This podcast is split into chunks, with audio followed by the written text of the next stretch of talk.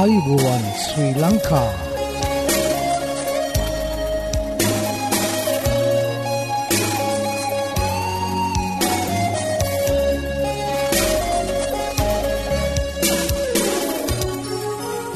ඔබට සුපදස මේ Adventist world radio බලාපොරොත්වය හඬ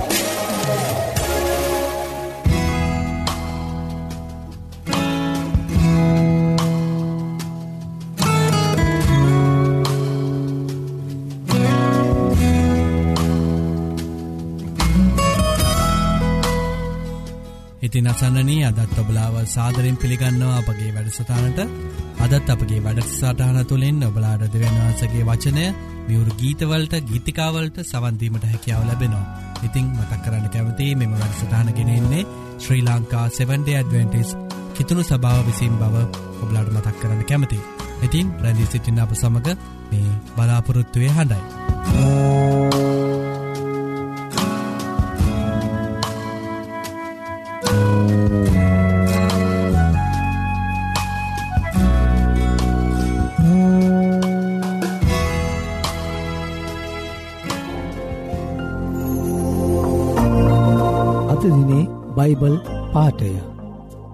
අපේ බලාපොරොත්තුවේ ප්‍රකාශ කිරීම චංචල නොවන පිණිස එය තදින් අල්ලාගෙන සිටිමු. මක්නිසාද පොරොන්දුව දුන් තැනන් වහන්සේ විශ්වාසව සිටින සේක හේබ්‍රෙව් දහය විසිතුන.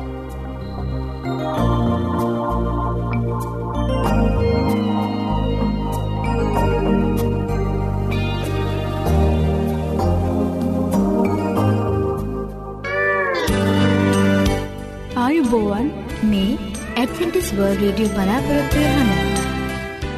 ධෛර්ය බලාපොරොත්තුව ඇදහිල්ල කරුණාවසා ආදරය සූසම්පති වර්ධනය කරමින් ආශ් වැඩි කරයි. මේ අත්හදා බැලිමිට ඔබ සූදානන්ද එසේනම් එකතුවන්න ඔබත් ඔබගේ මිතුරන් සමගින් සුවසතර පියමත් සෞඛ්‍ය පාඩම් මාලාවට. මෙන්න අපගේ ලිපිනය ඇඩවෙන්ඩිස්වල් රේඩියෝ බලාපොරොත්තුවේ අඩ තැපැල් පෙටිය නම්සේ පා කොළඹ තුන්න. නැවතත් ලිපිනය ඇඩවෙන්ටිස් වර්ල් රේඩියෝ බලාපොරොත්තුවේ හඬ තැපැල් පෙට්ටිය නමේ බිඳුවයි පහ කොළඹ තුන්න.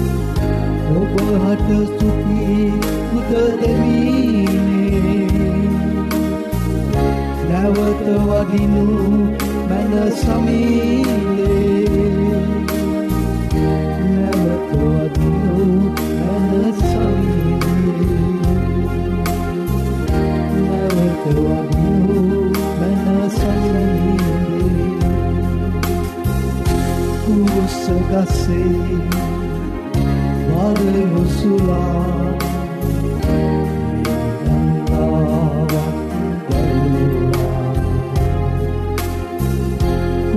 Sugase Vale musula Vale musula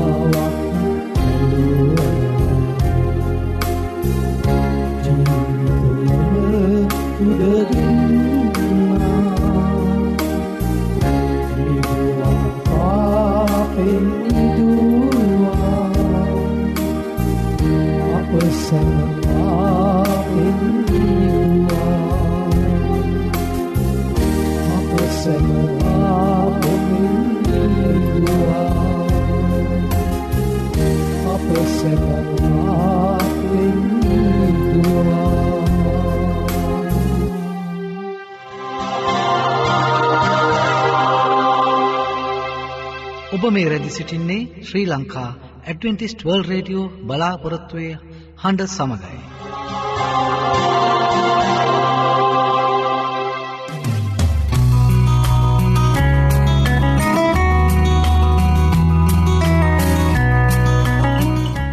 ඉතින් අසන්නනී ඔබලාට ස්තුතිවන්ත වෙනවා අපගේ මෙම මැරිසටාන් සමඟ එක්වී සිටීම ගැන ඇතින් අපි අදත් යොමුුවමු අපගේ ධර්මදේශනාව සඳහා අද ධර්මදේශනාව ඔබහටගෙනෙන්නේ විලීරීත් දේවගෙදතුමා විසින් ඉතින් ඔහුගෙනන ඒ දේවවාක්‍යයට අපි දැන් යොමු රැඳි සිටින්න මේ බලාපොරොත්තුවය හඬ.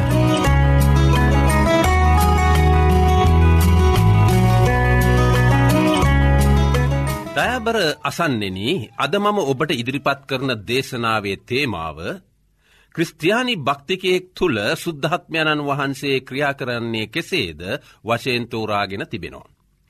තමාගේ දරුවන් ඉතා ආදරයෙන් රැකබලාගන්නවා කරුණාවන්ත දරු සෙනහැස ඇති මවක් එහමනේ දසන්නෙන. එලෙසම ස්වාමින් වහන්සේව පිළිගත් අයවද සුද්ධහත්මයණන් වහන්සේ රැකබලාගන්නාසේක. මව දරුවා සමග නිතරම සිටිනවාසේම සුද්ධහත්මයණන් වහන්සේද දෙවියන් වහන්සේට අයිති සෙනග තුළ වැඩවාසය කරනසේක. මේ බව පළවෙනි කොරින්තික පොතේ හයවෙනි පරිච්චේදේ පවුල්තුමා මෙන්න මේ විදිහට ලියා තිබෙනවා. නොහොත් නුඹලාගේ ශරීරය දෙවියන් වහන්සේගෙන් ලැබූ නුඹලා තුළ ඇත්තාව සුද්ධහත්මයණන් වහන්සේගේ මාලිගාව බව නොදනියූද යන ප්‍රශ්නය එතුමා මෙතනින් ප්‍රශ්න කර තිබෙනවා. එවගේම තව දුරටත් එහි සඳහන් වන්නේ නුඹලා නුඹලාටම අයිති නැත මක් නිසාද නුඹලා මිලයට ගනු ලැබූහුය. එබැවින් නුඹලාගේ ශරීරයෙන් දෙවියන් වහන්සේට ගෞරවය කරන්න. Yesසුස් කෘස්තුස් වහන්සේ පාපය කුලිය ගෙවා මනුෂ්‍යයාට මිදීම ලබාදුන් සේක.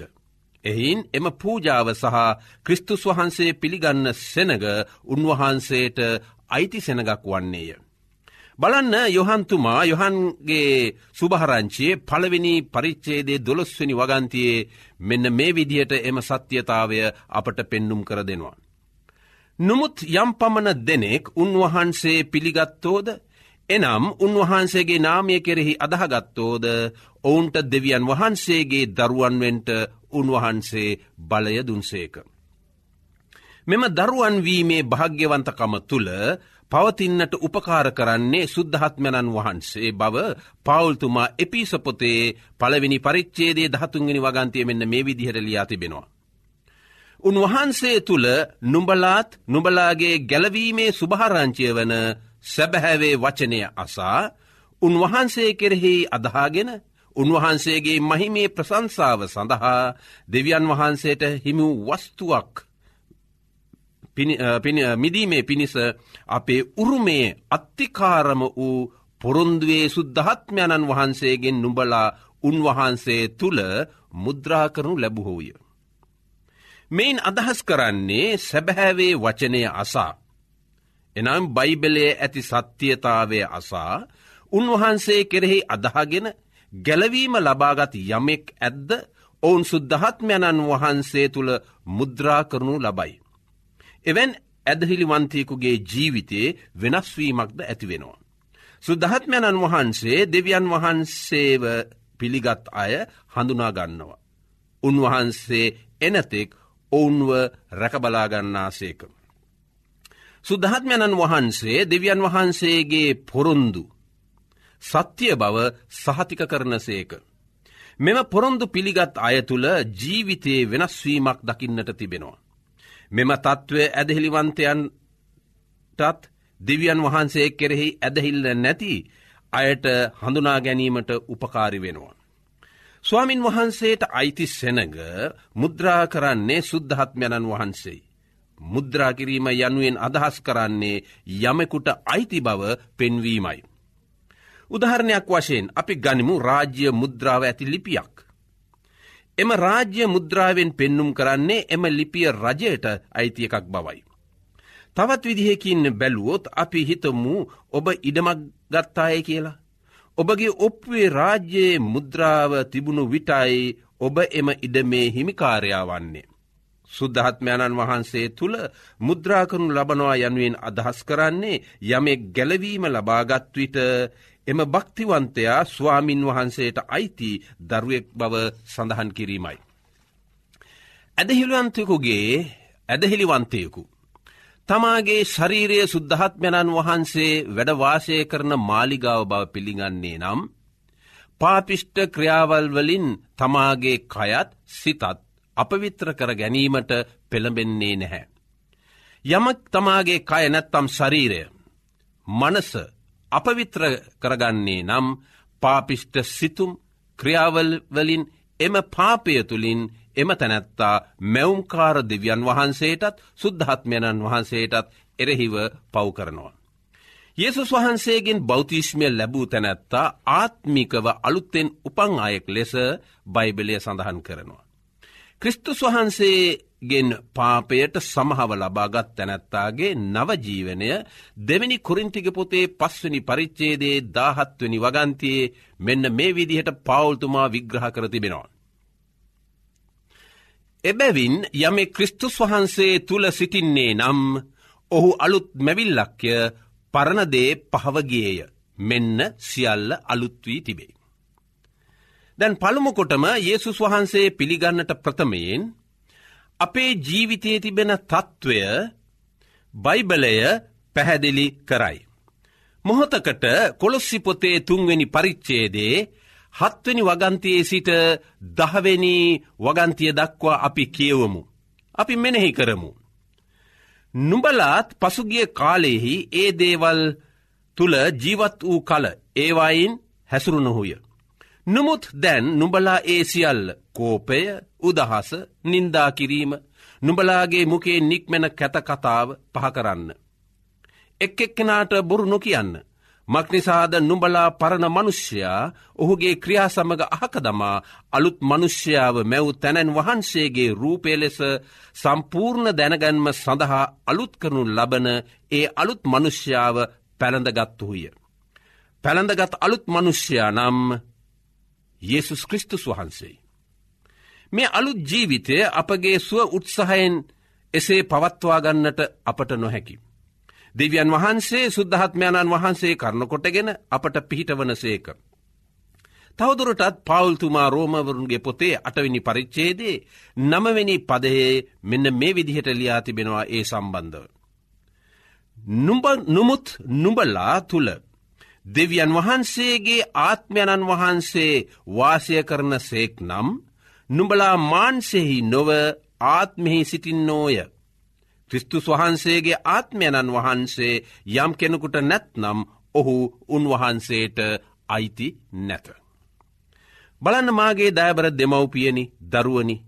ක්‍රිස්තුස් වහන්සේගේ ආත්මයණන් වහන්සේ යමකගේ ජීවිතය ක්‍රියා කරන්නට ඉඩ හරින්නේ නම් ජීවිතයේ ඇතිවෙන වෙනස්වීම. උන්වහන්සේ අප තුළ වැඩවාසය කරන බවට අපගේ නව ජීවිත රටාව සාක්ෂිධරනවා. සුද්ධහත්මයණන්ගේ ක්‍රියාකිරීම නිසා ක්‍රිස්තුස් වහන්සේගේ සිත සහ යහපත් ක්‍රියාවන් අප තුළ හටගන්නවා. එනම් ප්‍රේමය ප්‍රීතිය සමාධානය ඉවසිලිවන්තකම යහපත්කම මුර්දුකම පමණ දැන ක්‍රියාකිරීම යන මේවා. මෙසේ එම නව ජීවනය ගත කරන්නට ශක්තිය බලය ලබා දෙන්නෙත් සුද්ධහත්මයණන් වහන්සේ බව එපිසපොතේ තුන්ගනි පරිච්චේදේ දහත්වනි වගන්තය සඳහන් වෙනවා. උන්වහන්සේගේ ආත්මයණන් වහන්සේ කරනකොටගෙන නුඹලාගේ අභ්‍යහන්තර මනුෂ්‍යයා තුළ නුඹලා බලයෙන් ශක්තිවත් වන පිණිසත් ඇදහිල්ල කරනකොටගෙන ක්‍රිස්තුස් වහන්සේ නුඹලාගේ සිත් තුළ වාසය කරන පිණිසත් ප්‍රේමිහි මුල් ඇදී සිටීම පිණිස උන්වහන්සේගේ මහිමේ සම්පතේ ප්‍රමාණයට දෙන ලෙස පවුල්තුමා යාඥා කළේය. බලන්ට මිත්‍රණි සුද්ධහත්මයණන් වහන්සේ අපට බලය ශක්තිය දෙනවා ඒසුස් ක්‍රිස්තුස් වහන්සේ තුළ නවජීවනයක් ආරම්භ කරගෙන ඒ අනුව අපගේ ජීවිතය හැඩගස්වා ගන්නට. මෙන්න නව ජීවන රටාවකට අවතීරණය වන්නට ඇදහිල්ල අවශ්‍යයි. ඇදහිල්ල කරනකොටගෙන අපගේ සිත් දෙවියන් වහන්සේගේ කැමැත්ත ඉටුවෙන්නට ඉඩහරිනවා. ඇදහිල්ල දෙවියන් වහන්සේගේ පොරුන්දු කෙරෙහි ඇති විශ්වාසය තහවුරු කරනවා. දේව වචනය ඇසීමෙන් සහ ඒවා පැවැත්වීමෙන් ඇදහිල්ල ඇතිවෙනවා ඒ අනුව ජීවත්වෙන්නට අපි අදහස් කරනවා පමණක් නෙවෙයි අපගේ අධ්‍යාත්මික මානසික ශාරීරික කොටස ඉතාමත්ම වර්ධනය වෙනවා. සුද්ධහත්මයණන් වහන්සේ අප තුළ ක්‍රියාකිරීමෙන් ඇදහිලිවන්තයන්ට සත්‍යතාවය තේරුම් ගන්නට උන්වහන්සේ උගන්වන සේක. ආත්මික දේවල් අපට තේරුම් කරගන්නට පිහිටවන්නේ සුද්ධහත්මයණන් වහන්සේ. යේසුස් වහන්සේ දුන් පොරොන්දු. යොහන්තුමාගේ සුභාරංචිය දෙවනි පරිච්චේදේ විසිහයවනි වගන්තිය මෙසේ සඳහන් කර තිබෙනවා. නමුත් මාගේ නාමයෙන් පියාණන් වහන්සේ එවන සැනසිලිකාරයණන් වහන්සේ. එනම් සුද්ධහත්මයණන් වහන්සේ නුඹලාට සියල්ල උගන්වමින් මා විසින් නුඹලාට කියන ලද සියල්ල නුබලාට සිහිපත් කරන සේක. Yesසුස් වහන්සේ පැවසවා උන්වහන්සේට ප්‍රේම කරන අය උන්වහන්සේගේ ආග්ඥා පවත්වන්නේ කියලා. යහන්තුමාගේ සුභාරංචයේ දාහතරනි පරිච්චේද පාලුස්විනි වගන්තයේ උන්වහන්සේ සබතයේ ස්වාමයා ලෙස පැවසූසේක. නැවත වරක් සියලු දෙනාටම පෙනෙල ලෙස ශරීරයේ නියුක්තව තේජසින් ලොවට පැමිණෙන බව වදාලසේක.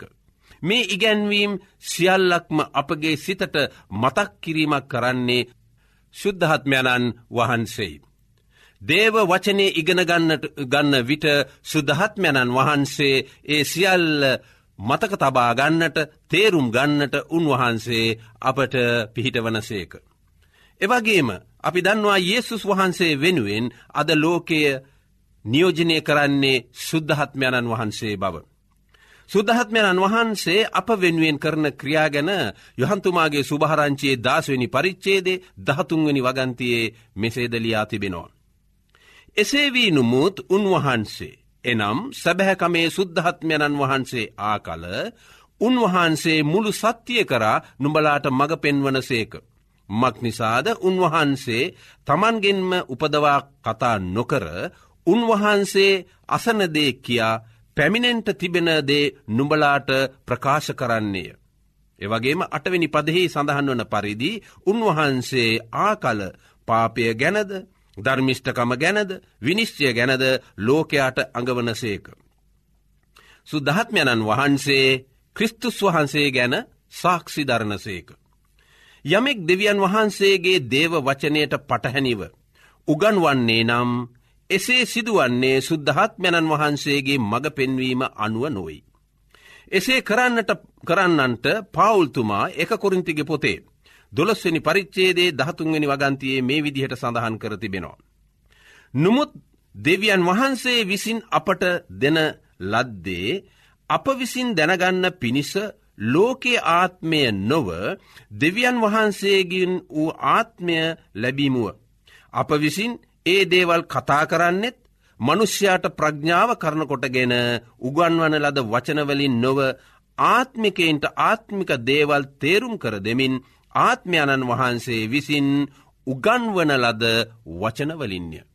එසේ නම්මාගේ දෙමවපියනි දරුවනි අසන්නෙනි ශුද්ධහත්මයණන් වහන්සේගේ ආනුභාවෙන් දෙනලද මුළු සුද්ද ලියවිල්ල ඒ ආකාරයෙන්ම සුද්ධහත්මයණන් වහන්සේ දෙවියන් වහන්සේ පෙන්නුම් කරන ආකාරයට අපගේ සිත් පොළඹෝනසේක. උන්වහන්සේ මුළු සත්‍යය කරා අපගේ සිත ගෙන යනු ලබනවා. පටන්ගෙන් මේ සිට ඇසූදේම නුඹලා තුළ පවතීවා. පටන් ගැන්මේ සිට නුඹලා ඇසූදේ නුඹලා තුළ පවතිනම් නුඹලා පුත්‍රයණන් වහන්සේද පියාණන් වහන්සේ තුළද පවතින්නහුය. මුලාවෙන් අපව බේරා ගැන්වීමට මේ කාරණා ලියාතිබෙන බව එක යොහන්තුමාගේ සුභහරංචියයේ දෙවැනි පරිච්චේද විසි හතරවෙනි වගන්තියේ සිට විසි හයවනි පදවල එසේ සඳහන් වී තිබෙනවා. මාගේ දෑබර දෙමව්පියනි තරුණ දූවරුණි පුත්‍රේණි. පව් සමහව ලබා සුද්ධහත්මයණන් වහන්සේගේ මුද්‍රාව ලැබ අලුත් ජීවිතයකට මුහුණ දෙන්න. සුද්ධහත්මයණන් වහන්සේ එස කරන්නට ඔබට පිහිට වෙනවා මේ මොහොතේ. දෙවියන් වහන්සේ ඔබට ආශිර්වාද කරන සේක්වා. උන්වහන්සේගේ හඬට සවන් නොදීම පාපයකි. පෞකාරයන්ගෙන් ආත්මයණන් වහන්සේ ඇත්වෙයි. එනිසා සුද්ධහත්මයණන් වහන්සේගේ පල උන්වහන්සේ අප තුළ ක්‍රියා කරන විට අපේ ජීවිතයේ ඇතිවෙන්නාව වෙනස්වීම සහ උන්වහන්සේගේ ඒ ක්‍රියාවන් නැත්තම් උන්වහසේ දෙන දීමනාවල් තුළින් අපගේ ක්‍රස්තියානි ජීවිතය වර්ධනය කර ගනිමු. අපි සිලු දෙනාම යාඥා කරගන. මහොත්තම දෙවි සමිධානනි සුද්ධහත්මයණන් වහන්සේ අද ක්‍රිස්තුස් වහන්සේ වෙනුවෙන් මේ ලෝකේ නියෝජන කරන අතර උන්වහන්සේ ඔබ වහන්සේගේ මුළු සත්‍යය කරා අපගේ සිත් ගෙන යන හෙයින්. උන්වහන්සේ පෙන්නුම් කරන සත්‍යතාවය අනුව අපි අපගේ ජීවිතය හැඩගස්වා ගන්නට ඔබ වහන්සේගේ වචන ආග්ඥාපනත් පිළිපදින්නට සුද්ධහත්මයණන් වහන්සේ අපි පොළඹ වෙන විට උන්වහන්සේගේ හඬට කීකරුවී උන්වහන්සේට දුක් නොදී උන්වහන්සේ අනුව යන්නට පෙන්නුම් කරන්නව මාර්ගය යන්නට ඒසු ක්‍රිස්තුස් වහන්ස අපගේ පුද්ගලික ගැලවුම් කාරයා ලෙස පිළිගන්නට කරන කැඳවීමට අපටත් අපගේ සිත භාර කරන්ට ආශිර්වාද කරට කිය ඉල්ලමින් මේ අසාසිටින් නව සියලු දෙනාටද අපේ රට වැසියන්ටද ඔබහන්සේගේ සාමය සතුට සමාධානය උදාවෙත්වා ආමෙන්. ආයුබෝවන් මේ ඇත්ටිස් වර්ල් රඩියෝ බලාපොරොත්වය හන. යෙසාය පනස්සිකි දොළහා නුඹලා සනසන්නේ මමය. ඔබට මේ සැනසීම ගැන දැනගන්නට අවශ්‍යද? එසේනම් අපගේ සේවය තුලින් නොමිලේ පිදෙන බයිබල් පාඩම් මාලාවට අදම ඇතුල්වන්න. මෙන්න අපගේ ලිපිනය ඇඩ්වෙන්ටිස් වර්ල්ඩ් රේඩියෝ බලාපොරොත්තු වේ හඬ තැපැල් පෙට්ටිය 9 පා කොළඹ 3